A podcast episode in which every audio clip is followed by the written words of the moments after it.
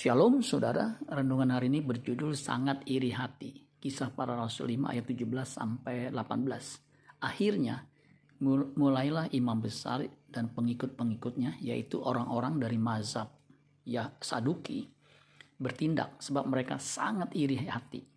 Mereka menangkap rasul-rasul itu lalu memasukkan mereka ke dalam penjara kota. Orang Saduki termasuk di antara sekte-sekte agama abad pertama yang tidak bersahabat dengan Yesus. Setelah kematian dan kebangkitannya, para rasulnya pun mengalami perlawanan yang sama dari mereka.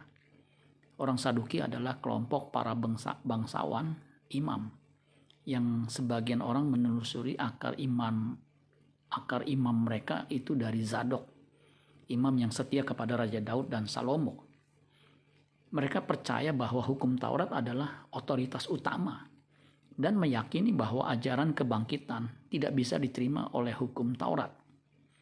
Anda bisa bayangkan, ahli Taurat bisa menentang kebangkitan Kristus, padahal Kristus adalah tuan dari hukum Taurat.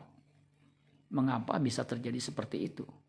Karena orang Saduki dikuasai oleh iri hati, sehingga mereka tidak bisa memahami kebenaran dari hukum Taurat Buanglah iri hati, karena itu menyebabkan pikiran jadi kacau balau dan hati jadi jahat. Yakobus 3 ayat 16. Sebab di mana ada iri hati dan mementingkan diri sendiri, di situ ada kekacauan dan segala macam perbuatan jahat. Amin buat firman Tuhan. Tuhan Yesus memberkati. Sola Gracia.